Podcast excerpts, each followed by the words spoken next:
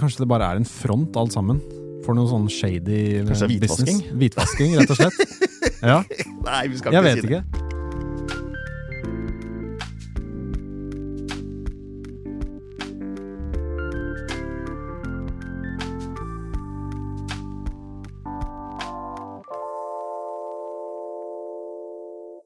Velkommen tilbake. Så hyggelig at du er her. Det er vi også. Jeg, Erik og Thomas. Hei, hei.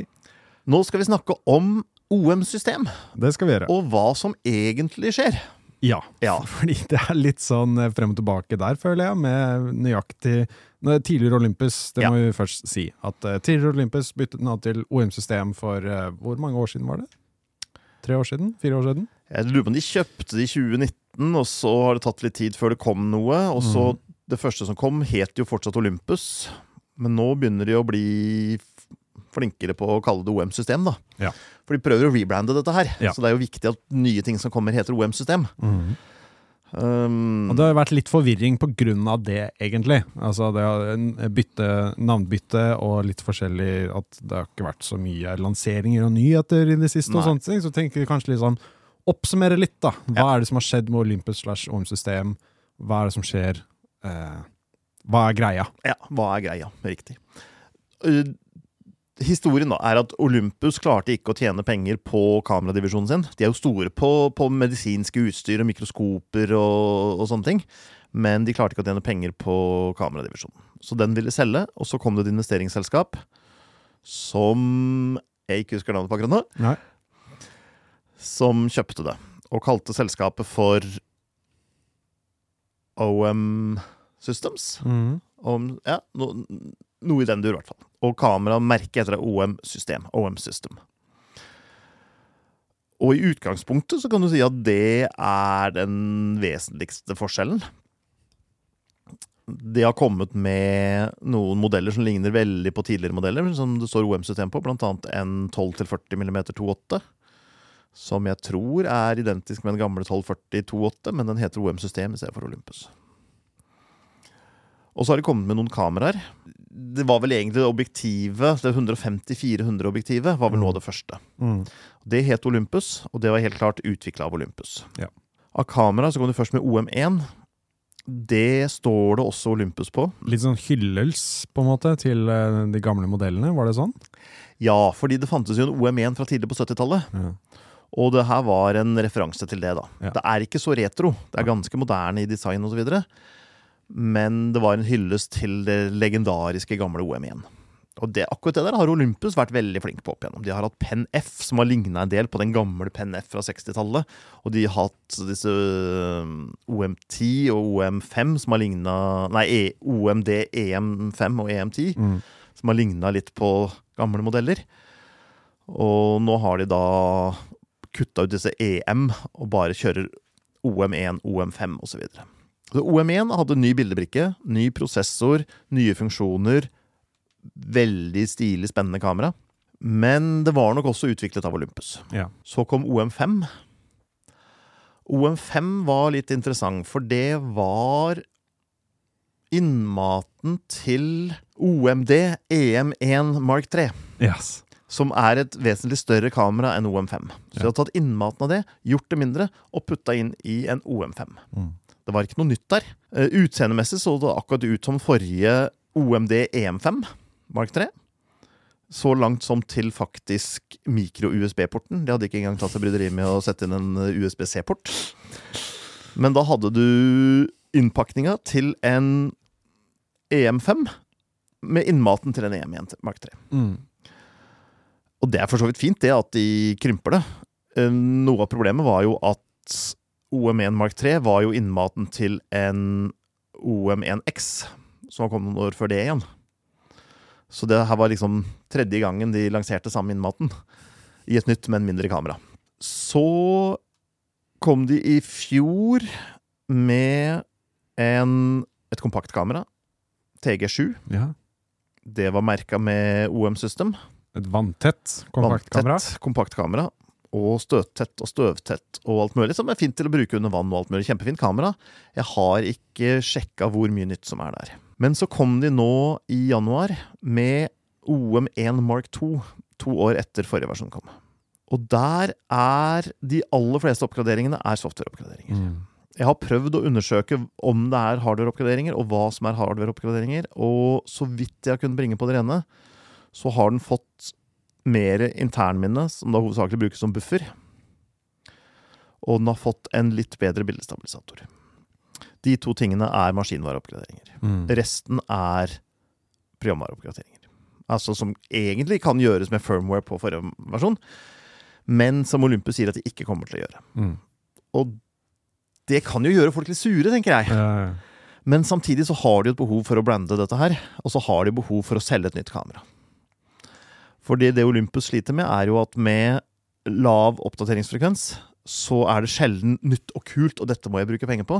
Og da synker markedsandeler og salg og alt mulig sånne ting. Og de får ikke solgt mye hvis de klarer å oppdatere kameraet nesten helt med en firmware-oppdatering. Da måtte jeg solgt firmware-oppdateringen i så fall. Mm. Men det gir mer godfølelse med et nytt kamera. Og det skal sies at noen av de oppgraderingene er ganske vesentlige, altså. To år så har de altså klart å utvikle en litt bedre bildestabilisator, og de har klart å putte inn litt mer minne. Det siste krever jo ikke akkurat veldig mye teknologisk utvikling. Og forrige kamera hadde altså ingen nyvinninger, OM5, og OM1 var nok også utviklet av Olympus. Ja. Og da begynner vi å spørre oss hva er det de driver med? Hva er forretningskonseptet? Hva er målet deres? Hva er Hvorfor, ble, hvorfor kjøpte de dette her? Hvorfor kjøpte de det? Mm. Og jeg er ingen økonom. Nei. Og jeg skjønner ikke finurlige, sære, rare, vanskelige sånne investeringer. Hadde det vært en konkurrent som kjøpte dem, så kunne vi kjøpt dem for å legge dem ned. Mm. Eller ta de patentene som de ville, eh, ditche resten, og så bruke det. Men dette her var jo et investeringsselskap, det var jo ikke en kameraprodusent. Det var samme investeringsselskap som kjøpte Sony Vaio, de der lekre laptopene til Sony, Mm. i sin tid. Og de forsvant jo ganske kort tid etterpå. Og jeg skjønte ikke forretningskonseptet der heller. Så jeg har på en måte avfunnet meg med at jeg ikke skjønner forretningskonseptet til dette selskapet. Kanskje det er noen i bakhånd som vil ha vekk Olympus etter hvert og faser dem ut, og har en sånn langsiktig plan? Eller kanskje det er noe sånn eh, for å skrive av på skatten, eller for å slippe avgifter, eller for å gjøre ditt eller for å gjøre datt? Jeg veit ikke. Det som sier, kanskje Olympus satt på noen hemmeligheter som de ville beholde selv, som de vil ha selv. Et eller annet sånt. Det, Ja, det er mange ikke konspirasjonsteorier. Men vi har jo nå gjort det, da. Ja, så kanskje det, kanskje det bare er en front, alt sammen. For noe sånn shady Kanskje hvitvasking? business. Hvitvasking, rett og slett. Ja, Nei, vi skal jeg vet si det. ikke. Det er mye nei. konspirasjonsteorier som vi kan finne opp her. Ja, jeg tror det. Og jeg tror det blir ting vi må sitte her og dikte opp i så fall. Ja. Um, nei, men det jeg tenker da, er at de kommer med nye ting. De gjør det, tross alt. Selv om de ikke har vært fantastisk revolusjonære. Kanskje det er en sånn mellomfase. Fra liksom sånn, ok, De har kjøpt, og så må de finne ut av sakte, men sikkert ok, men hva er det vi faktisk eh, skal utvikle her. Ja. Fordi, eh, hva var på en måte, Husker du hva de sa når det ble kjøpt opp? Da det ble kjøpt opp, Hva er det som, hva er, det som er faktisk er planen? Det Vi vet jo- ikke hva som faktisk er planen, vi vet jo bare hva de sier. Ja. Og når eh, investorer sier ting, så sier de jo bare det som vil gagne deres plan. Mm. Ikke hva de faktisk har tenkt å gjøre. Så det vet vi jo ikke. Men de skulle jo bygge videre på det og videreutvikle og bli store og fantastiske og tjene penger på dette her. Det var jo planen. Mm. Og det kan godt være det fortsatt er planen, men at de ser at de vil ikke putte mer ressurser inn før de har salget for det, Mm. for eksempel. Og så vil jo da mange kontre med å si at ja, men hvis du ikke putter ressurser i, så får du ikke det salget. Og da vil du ikke kunne putte ressurser i så mye at du får salget, og Nei. så er du en nedadgående spiral. Ja. For akkurat nå, da, så virker det litt på meg som de henvender seg til menigheten. De prøver ikke å ta nye Nei. brukere. Og det er den Pentax-modellen. Pentax Mm. har gjort dette her i mange, mange år, og har fortsatt noen trofaste brukere, men det er ingen som skifter til Pentax. Så de prøver å tilfredsstille behovet til de som er, allerede er kunder, men de Mm. prøver ikke å få inn noen nye kunder. Det kan se litt sånn ut, egentlig. Skjønner. Ja. Og det er jo litt trist. Ja.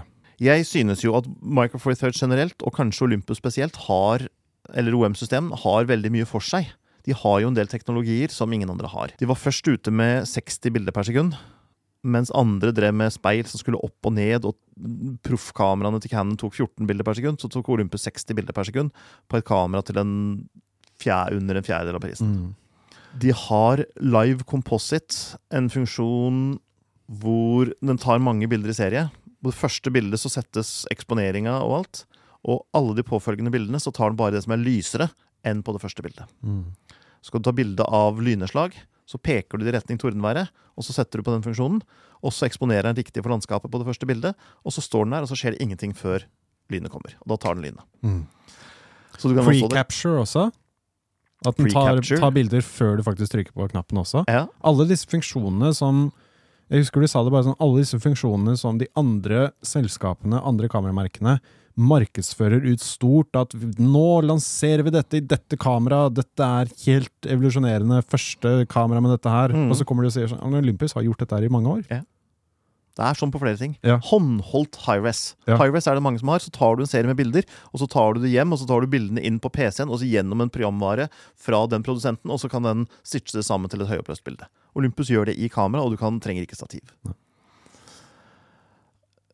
Og ja, Pentax hadde en sånn funksjon, faktisk, men siden det ikke er noen som bruker Pentax lenger, så er Olympus egentlig de eneste som har den funksjonen uh, som fungerer. Og de har, de har flere sånne. Og de har, i de nye modellene så har de ND-filter. På den nyeste så har de gradert ND-filter. Mm. Og jeg bare ser for meg at i neste versjon så kan du kombinere håndholdt high-res med gradert ND-filter. Så du kan ta et håndholdt 50 megapiksel landskapsbilde med gradert ND-filter på. Begge deler samtidig. Det kan du ikke i dag. Men, men sånne ting Enormt flinke på å utnytte den relativt lille bildebrikka, den meget imponerende bildestabilisatoren og den prosessorkrafta som er i kamera. Men folk kjøper ikke lenger bare algoritmer og software. Folk skal trenger ny hardware. Mm. Og da trenger de, og også hvis de skal videreutvikle de software-mulighetene, så trenger du mer prosesseringskraft. Så de trenger ny prosessor, og de trenger nok etter hvert en, en ny bildebrikke også. Nå er den stacked og kjapp og fin, den bildebrikka som er, så bildebrikke er ikke det første. Men noe som viser at OM-system er på ballen, da. Mm. Det er kanskje noe vi savner litt. For det føles litt halvhjerta, kanskje. Jeg vet ikke. Det gjør litt det.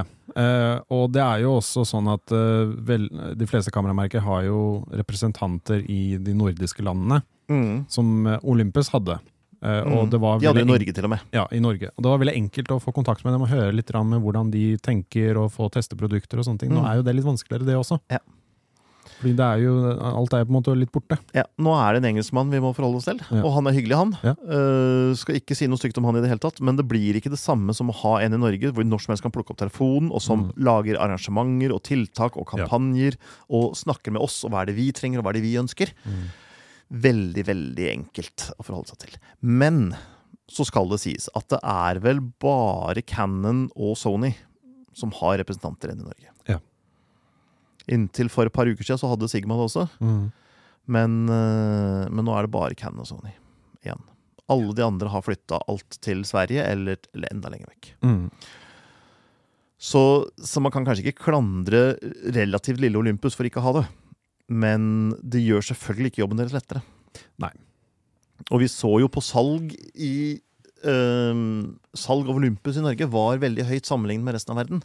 Fordi vi hadde, Olympus hadde en representant i Norge som gjorde en sabla god jobb. Veldig. Virkelig god jobb. Ja.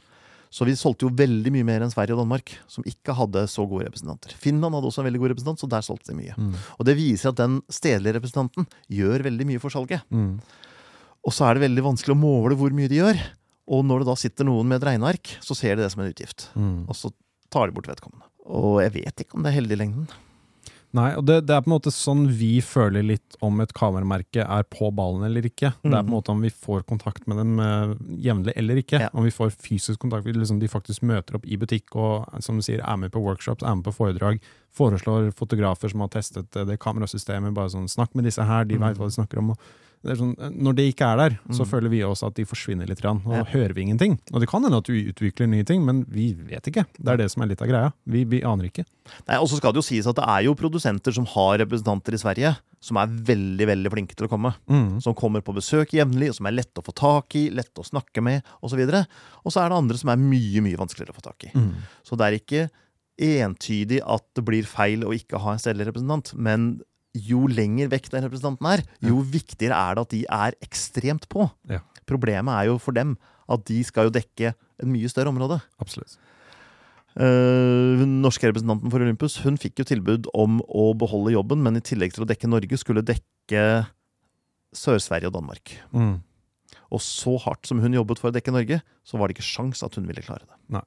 Så var det en kar som overtok i Sverige, som skulle gjøre jobben, og det gikk bare ikke. Så nå sitter en kar i England. Det blir mye reising. Det blir jo det. Ja. Mye timer i bil og fly og frem og tilbake og Ja. sånt, og det er en utgift, det òg, da. Ja. Så Så nå er det Teams-møter med en kar i England. mm. Og det fungerer i og for seg, men det er jo ikke det samme. Og det gjør at de, man ikke får den samme oppfriskninga, og for selger i butikken samme bevisstheten rundt det, som gjør at det er mye lettere å selge de store merkene. For Canon og Nikon klarer seg altså Nikon har ingen stedlige representanter nå, og de klarer seg sikkert utmerket med det, fordi de er så veletablerte. Mm. Men OM-system er ikke det. Så jeg vet ikke om det var riktig tid å kutte ned de representantene på, men uh, igjen så er det kostnader. Og hvor billig kan man drive hvis man ikke har sånne ting? Og hva kan man klare seg med av salg? Det er jo sånn, dette kan jo ikke vi svare på, Nei. men det ligger nok ganske mye der. Så det er jo det er som du sier, det er sånn, vi veit ikke veien videre, men det er jo måte, fint å på en måte oppklare litt hvor er det de har vært, og hvor er det de er nå, Mm. og hva er det som egentlig skjer. Det, som sier, det kommer ikke så mye kameraer, det kommer ikke så mye nyheter. Forhåpentligvis vil det komme i fremtiden. Vi vet ikke, men vi håper det, fordi det er jo et veldig fint system. Mm, de har vært foran på veldig mye. Ja, de har det, altså. Og, og nå kan vi jo sitte og, og snakke ned at det bare er en firmware-oppdatering, men det skal sies at følgefokusen på den nye modellen er vesentlig bedre enn på den gamle. Mm. Skal du følge et eller annet som beveger seg, som forsvinner bak en busk og dukker opp igjen, og sånne ting, så er det vesentlig bedre. Skuddtakten er den samme. Øh, Skjermen, nei, søkeren er den samme. Du kan få lavere skuddtakt med samme Altså uten at det blir noe blackout. Men det er også bare en software-ting. Mm. Men det er mange sånne små ting som gjør det til et bedre kamera å bruke. I tillegg til at de da har puttet inn noen nye funksjoner, og jeg digger Olympus sine sånne funksjoner. For de er de eneste som tilbyr ND-filter. Nå er de de eneste som tilbyr Mm. gradert ND-filter. Og på gradert ND-filter så kan du velge hvor du vil ha horisonten, om du vil ha den rett, eller om du vil ha den skrå, og hvor hard overgangen skal være mellom mørkt og lyst, og hvor mørkt og mørket skal være. Og dette her hadde jo krevd en masse filtre og filtersystemer og greier hvis du skulle gjort det fysisk. Og da er det veldig veldig deilig å ha det i kamera. Og ære være Olympus for at de gjør sånn. Mm. Eller OM-system for at de gjør sånn. Uh, bare vis at dere er på ballen videre, så blir dette her bra. Absolutt. Det er budskapet vårt, kanskje. Litt oppsummeringen vår. Ja. Vis at dere er på ballen, så blir dette bra. Fordi hvis de kommer med endefilter, innebygde kameraer som en standard fremover, så vil også flere kamerasystemer følge med, fordi da skjønner de at folk trenger det. I hvert fall videofolk også, bare sånn endefilter ut på objektivet. Og slipper å bytte, Uh, ha et endefilter til hvert objektiv Ja, også. tenk om du kunne hatt et variabelt ND-filter for videofunksjonen. ja. Så deilig. Men det er nok litt vanskelig fordi den tar mange eksponeringer. Mm. Uh, den gjør noen sånne triks med å kunne ta mange bilder etter hverandre, og det er ikke fullt så enkelt på video. Nei. Men Så det er ikke sikkert du får det på video med det første, altså. Men eh, det er lov å drømme. Det er lov å drømme, Ja. det er lov å håpe, men eh, vi, så, vi, det er det vi gjør. Mm. vi håper og drømmer at Olympus eller OM eh, vil fortsette å komme med nye ting. Ja, og én ting er merket, men de er jo ikke bare eh, et annet merke. Fordi de tilbyr, med den lille bildebrikka, så tilbyr de jo ting som få andre tilbyr. Mm. Og dermed så mist Nå har Panasonic Lumix også den lille bildebrikka. Men, eh, men forsvinner Micro Four Thirds-systemet, så er det jo et tap for hele bransjen. Mm. For det har absolutt eh, livets rett, mener jeg. altså. Absolutt. Så jeg bare håper at det kommersielt lar seg gå rundt, fordi det er veldig veldig kjekt for mange som ikke vil bære seg skakke, som er entusiaster, og som liker å gå innover i fjellet og opp og inn i skogen, og kunne ha noe som er lite og lett å bære på. Og med alle de morsomme funksjonene det kameraet har. Vi krysser fingrene. Ja, skal vi gjøre det? Vi gjør det. Lygekryss, eller? Begge to. Yes! Det var egentlig det. Det var Bare egentlig det. En liten oppklaring på hva er det som skjer. Takk til alle som så på og hørte på. Mitt navn er Erik Forlund. Øh, Vår gjest og teknisk ansvarlig, Thomas Brun. Yes. Og vi er tilbake om en uke. Ha det bra.